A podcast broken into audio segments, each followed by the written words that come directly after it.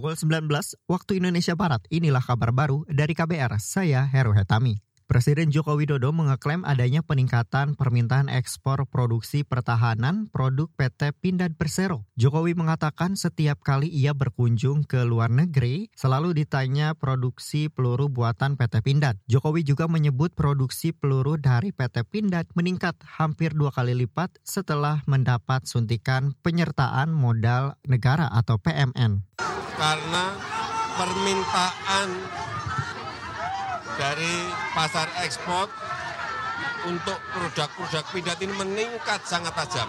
Selain produksi peluru, Presiden Jokowi juga menyebut kendaraan dan senjata yang diproduksi PT Pindad juga banyak dilirik pasar luar negeri.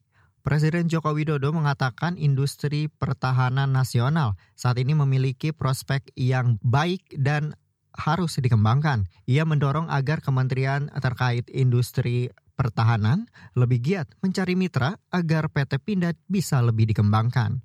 Kita ke informasi selanjutnya, Saudara. Satuan Tugas Penanganan Hak Tagih Negara dalam kasus bantuan likuiditas Bank Indonesia atau Satgas BLBI kembali menyita aset obligator. Kali ini yang disita adalah gedung The East Tower di kawasan Mega Kuningan, Jakarta. Gedung ini milik obligator Bank Asia Pasifik, Setiawan Harjono, dan Hendrawan Harjono. Dikutip dari Antara, Aset yang disita itu diperkirakan senilai 786 miliar rupiah. Ketua Satgas BLBI Ronald Silaban mengatakan aset yang disita berupa 177 bangunan satuan rumah susun atau apartemen dengan total luas bangunan mencapai 26 ribu meter persegi. Penyitaan itu dilakukan sebagai upaya negara mendapatkan kembali dana BLBI yang dikucurkan kepada bank saat krisis moneter pada 1998. Jika obligator tidak memenuhi kewajiban pinjaman, maka Satgas BLBI akan melakukan upaya hukum lanjutan, termasuk melelang aset yang disita tersebut.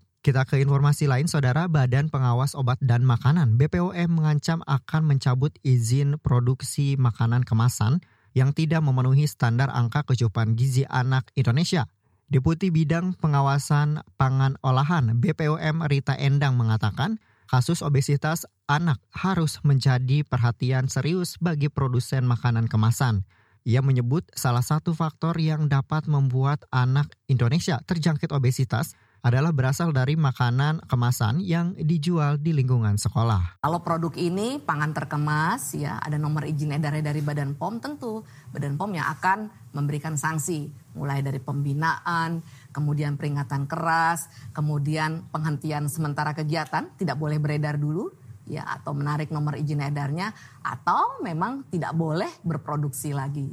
Deputi Bidang Pengawasan Pangan Olahan BPOM Rita Endang menambahkan perlu adanya kerjasama antara pemerintah pusat dan daerah untuk menindak makanan kemasan yang kerap beredar di lingkungan sekolahan. Ia mendorong pemerintah daerah mengambil tindakan tegas melalui sidak jajanan anak sekolah yang kerap kali luput dari pengawasan. Menurut laporan WHO pada 2021 jumlah anak di bawah usia 5 tahun yang mengalami kelebihan berat badan mencapai 39 juta di dunia. Sedangkan di Indonesia data riset kesehatan dasar 2018 mencatat prevalensi kegemukan pada anak berusia 5 hingga 12 tahun sebesar 20 persen. Pukul 19 waktu Indonesia Barat, inilah kabar baru dari KBR, saya Heru Hetami.